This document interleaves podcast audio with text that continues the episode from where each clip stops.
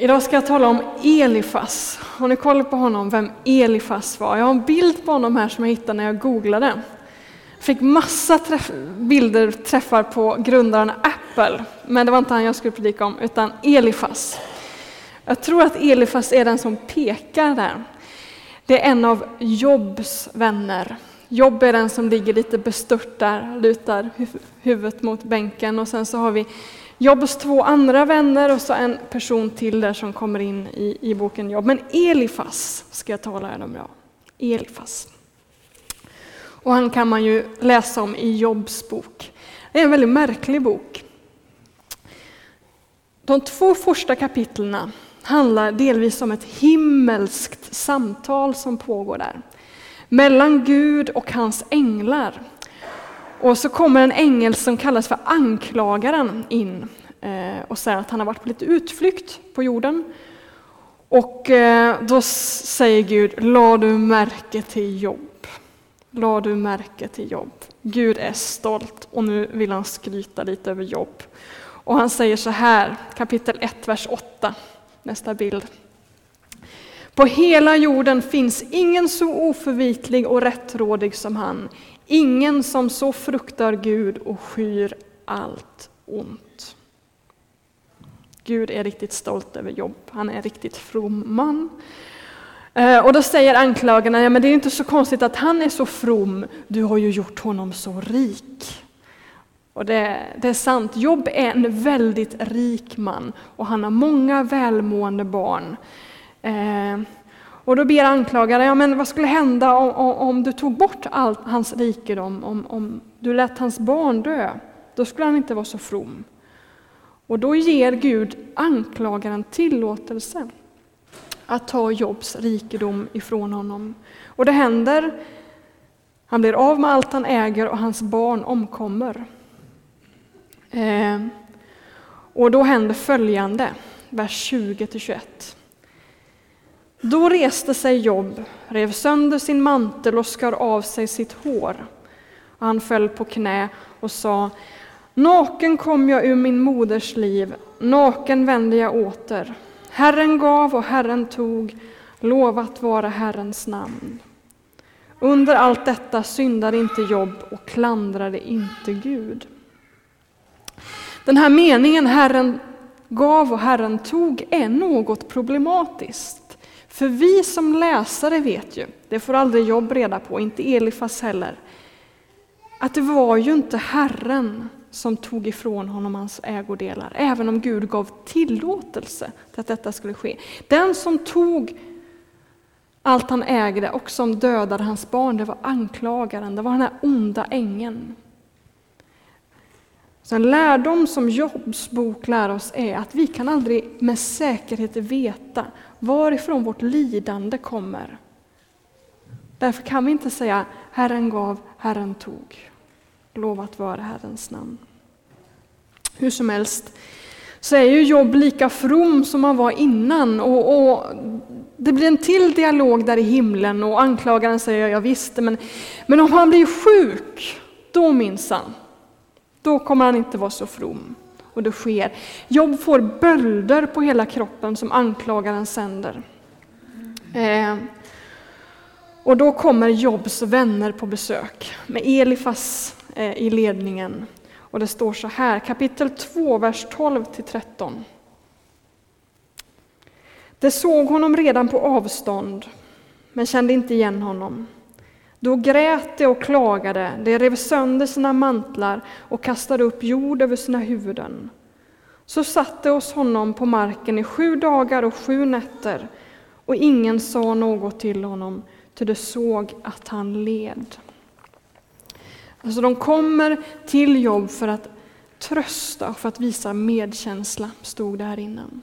Och de sitter med honom i sju dagar och sju nätter i tystnad och bara lider tillsammans med honom. Men efter sju dagar så får Jobb nog. Och han börjar anklaga Gud och förbanna den dag han föddes. Nu ger han plötsligt utlopp för all sin smärta, sin bitterhet, sin vrede. Och så kommer ett samtal igång mellan Jobb och hans vänner och där slutligen Gud bryter in och säger sitt. Och så slutar Jobs bok så här, så nu hoppar vi ett jättehopp till det 42 kapitlet, vers 7. Eh, och det är efter Jobs svar, eller Guds svar till Jobb, så säger han så här. När Herren hade talat så till Jobb sa han till Elifas från Teman.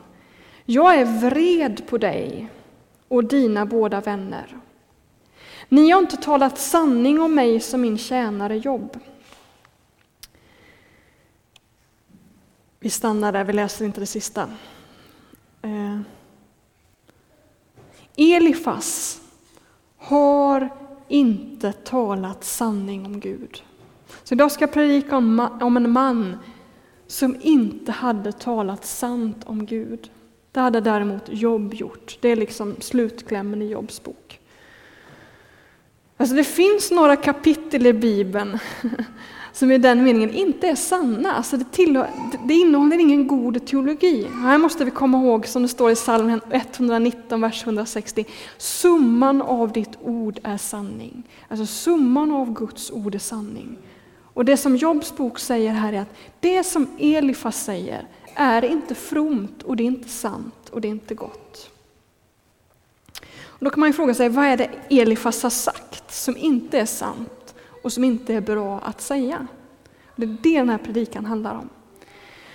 Både Jobb och Elifas är helt överens om en sak och det är att den som syndar, den får lida.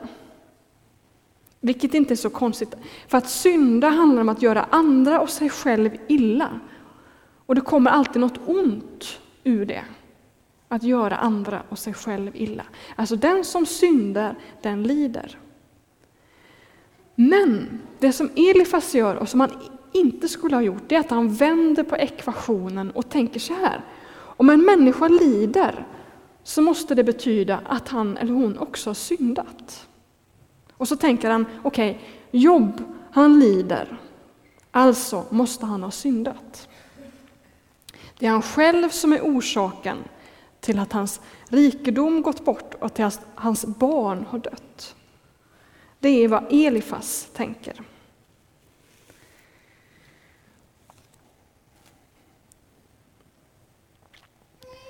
Och Elifas blir väldigt arg på Jobb för att han inte ödmjukar sig inför Guds ansikte och erkänner sin synd och ber om förlåtelse, utan att Jobb istället blir arg och vred och anklagar Gud. Och då säger Elifas så här, femte kapitlet. En väldigt poetisk bok, vi ska bara ta några verser där. Precis. Nej, människan själv föder ofärd. Alltså det är människan som är orsak till sin, sitt lidande, sin ofärd. Så visst som lågorna stiger mot höjden. Själv skulle jag vända mig till Gud, för Gud skulle jag lägga fram min sak. Han gör större ting än någon kan fatta, fler under än någon kan räkna.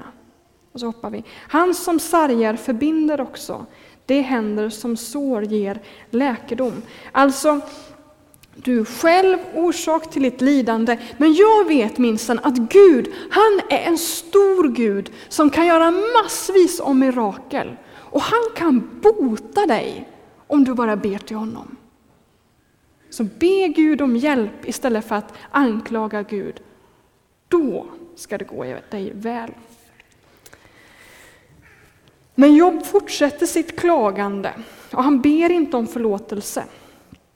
Eh, utan istället så ber han Gud om att ta mitt liv, jag orkar inte med det här, jag vill inte ha med dig att göra, jag orkar inte mer, krossa mig.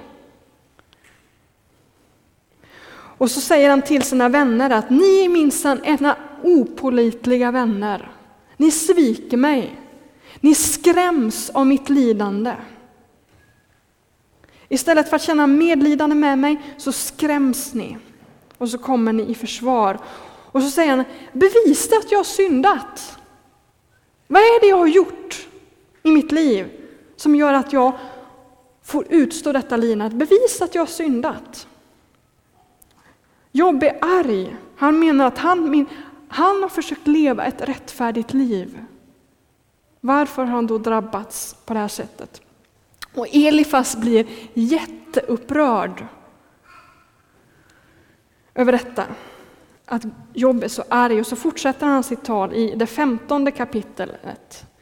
Och så säger Elifas, du undergräver gudsfruktan, du fördärvar fromheten. Din synd lägger orden i din mun så att du väljer detta försåtliga språk. Din egen mun dömer dig, inte jag, dina läppar vittnar mot dig. Alltså det som Elifas säger att man hör ju på dig att du har syndat, så kan man väl inte tala om man är en from man. Man kan inte anklaga Gud på det sättet. Men Job fortsätter att protestera och få utlopp för sin smärta och sin vrede. Och Elifas blir ännu argare och han säger så här i det 22 kapitlet. Är det för din gudsfruktan han straffar dig och går till rätta med dig? Nej, det är för att din ondska är så stor och dina synder utan ände. Enligt Elifas är Jobb en ond man, alltså din ondska utan ände. Och så, så kommer en lång lista på saker som, som Jobb har gjort och det är ren skär lögn. Alltså Elifas, han är så rädd om sin gudsbild. Den här bilden som säger att Gud är rättvis, Gud straffar den onde och belönar den som är god. Han är så rädd om den gudsbilden, att ha den intakt, så han går så långt att han börjar ljuga om jobb och säga du har gjort det här och det här och det här och det här.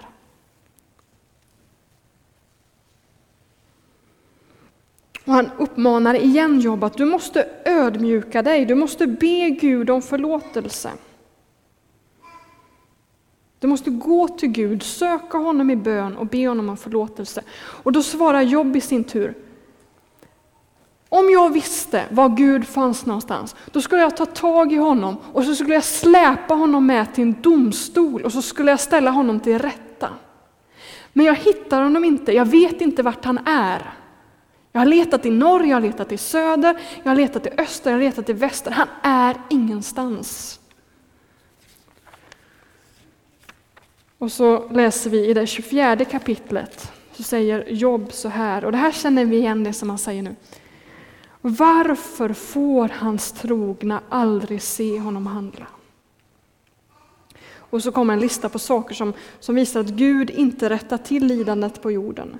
Gränsstenarna flyttas, rövade jordar drivs i bet. Den faderlöses åsna leder man bort och änkans ko tas i pant.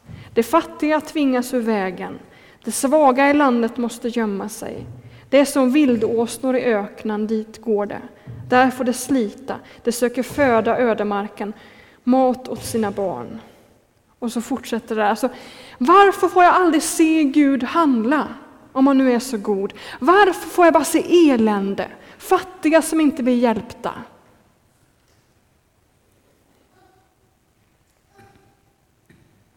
Varför griper inte Gud in och gör slut på allt oskyldigt lidande? För det är vad Jobb säger, det är en skillnad mellan Jobb och Elifas. Jobb menar att det finns människor som får lida som är oskyldiga, medan Elifas tänker att alla som lider har förtjänt av det. Och till, sli, till slut så griper Gud in i det här samtalet. Vi har några kapitel i slutet av Jobs bok där Gud själv låter sin stämma höras. Och han berättar för Jobb hur det var när världen skapades. Och han säger, Jobb, du tror att jag inte har någon kontroll, men det stämmer inte. Jag har all kontroll. Jag har skapat den här världen. Jag har omsorg om den. Och så säger han, du har inte samma perspektiv som jag. Jag har hela bilden, det har inte du. Jag har hela perspektivet, det har inte du. Och det vet ju vi som läsare om. Vi som läsare vet, för vi har, vi har hört vad som händer här i samtalet i himlen, att att det hände någonting i himlen som blev orsak till Jobs lidande.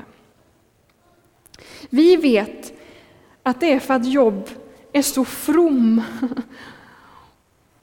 och inte har synd i sitt liv som han får lida. Tvärt vad Elifas har sagt. Elifas har sagt, du Jobb får lida för att du har syndat.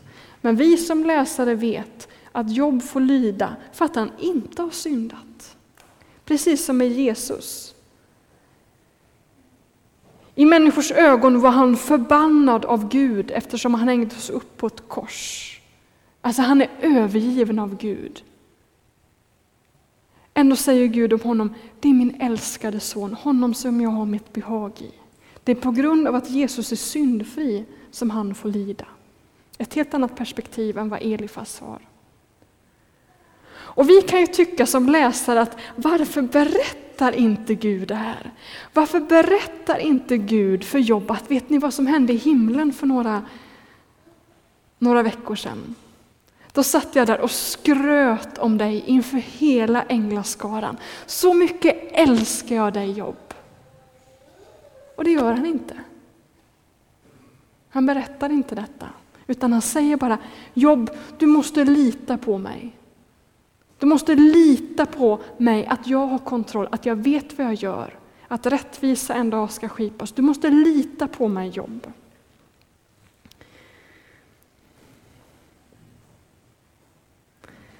De sista fem minuterna. Vad har det med oss att göra? Jobs bok lär oss att vi inte har hela bilden klar. Det finns massa som vi inte vet, som vi inte har kunskap om. Och i mitt i allt detta, i det här som vi kan tycka är kaos och konstiga saker, så måste vi våga lita på Gud. Att han är god. Alltså måste, vi måste ta korset, det som hände på korset på allvar, ta det till oss och tänka att ja, men om Gud har gett sig sin enda son, om han lät sin enda son lida på det här sättet för vår skull, då måste han vara god.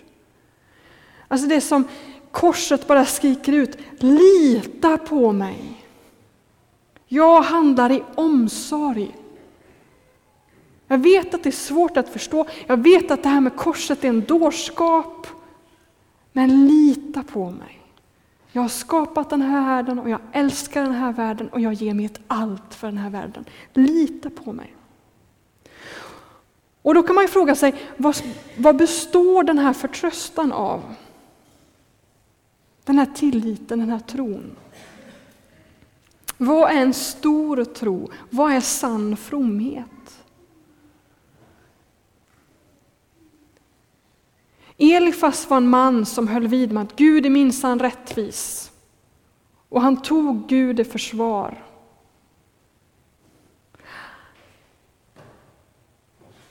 För honom var, var det en synd att anklaga Gud, att bråka med Gud eller att ens ge utlopp för sin smärta.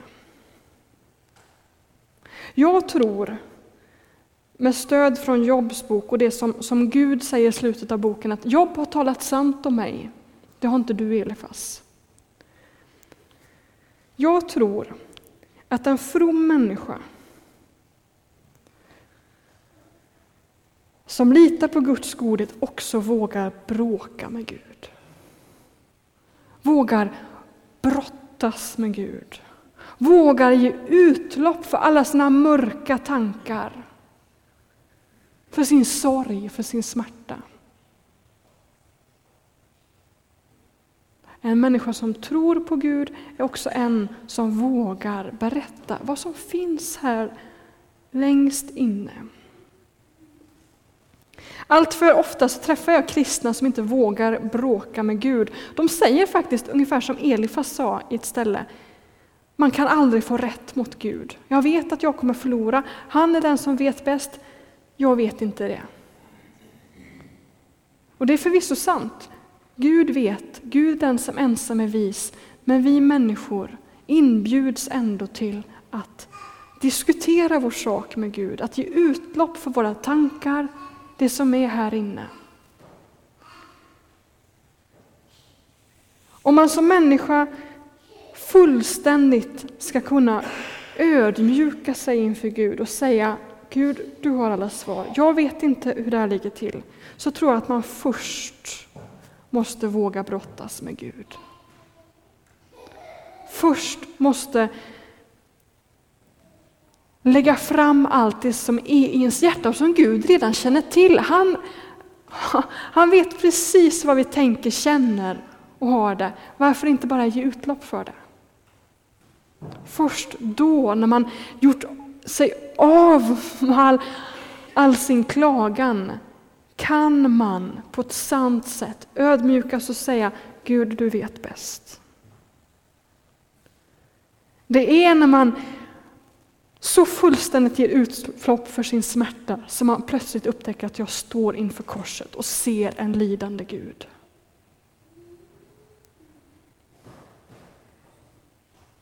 Var aldrig rädd för att bråka med Gud. När jag möter människor i, i samtal som säger att Gud är frånvarande, att Gud inte längre är där, så brukar jag alltid säga det. Har du sagt det till honom? Har du sagt hur du har det? Har du berättat hur dåligt du mår? Nej, det har de inte. Och så säger det, våga gör det.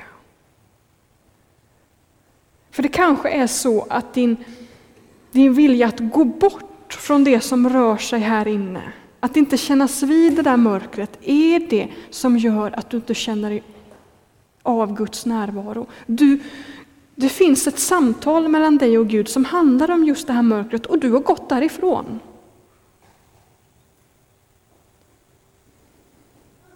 För att kunna kliva tillbaka in i Guds närvaro måste du själv bli sann inför Guds ansikte och berätta vad som känns här inne. Ta risken att våga var arg på Gud. Våga ta den risken. Det kommer göra dig till en from människa, om man nu kan säga så.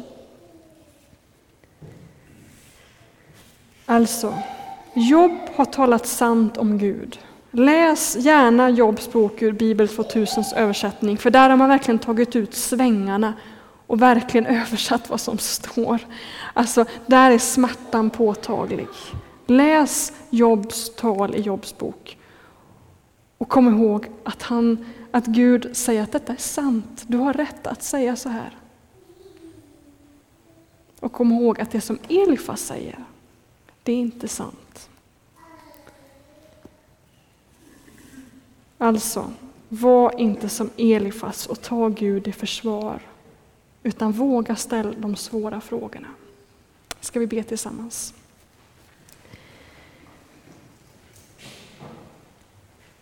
Fader i himlen. Du har befallt oss i ditt ord att vi ska prisa och tacka dig. Men du vet också att många gånger så har vi så svårt för just detta, att tacka och att lova dig, för vi ser så mycket av lidande. Runt omkring vår värld, men också i vårt eget liv, i vår egen familj, bland våra vänner. Och du känner detta till fullo. Du är smärtornas man. Och jag ber dig att du skulle fylla oss med mod och med tillit så att vi vågar uttrycka den smärtan. Att vara kvar i den här bönerelationen och våga klaga inför dig. Så att vi på riktigt också kan bli sanna Guds tillbedjare. Jag vill speciellt be för den här inne som har så mycket i sitt hjärta som den inte vågar släppa ut. I tron att tron då kommer dö. Jag ber dig att du i den här stunden skulle övertyga den här personen om att det är så din tro kan växa. Jag håller fast i dig. Jag låter inte dig gå undan. Jag har dig i mitt grepp och jag släpper dig aldrig. Du kan springa vart som helst, men jag springer ändå efter. Våga brottas med mig. Ta det som en profetisk hälsning. Du som finns här inne som tror att om du skulle bli sann i din bön och säga vad du tänker och tycker och tror så skulle din, död din tro försvinna och du skulle gå bort från Gud. Det är inte sant. Gud kommer springa efter och du kommer få uppleva att din tro kommer växa. Ta det som en profetisk hälsning och pröva det. Amen.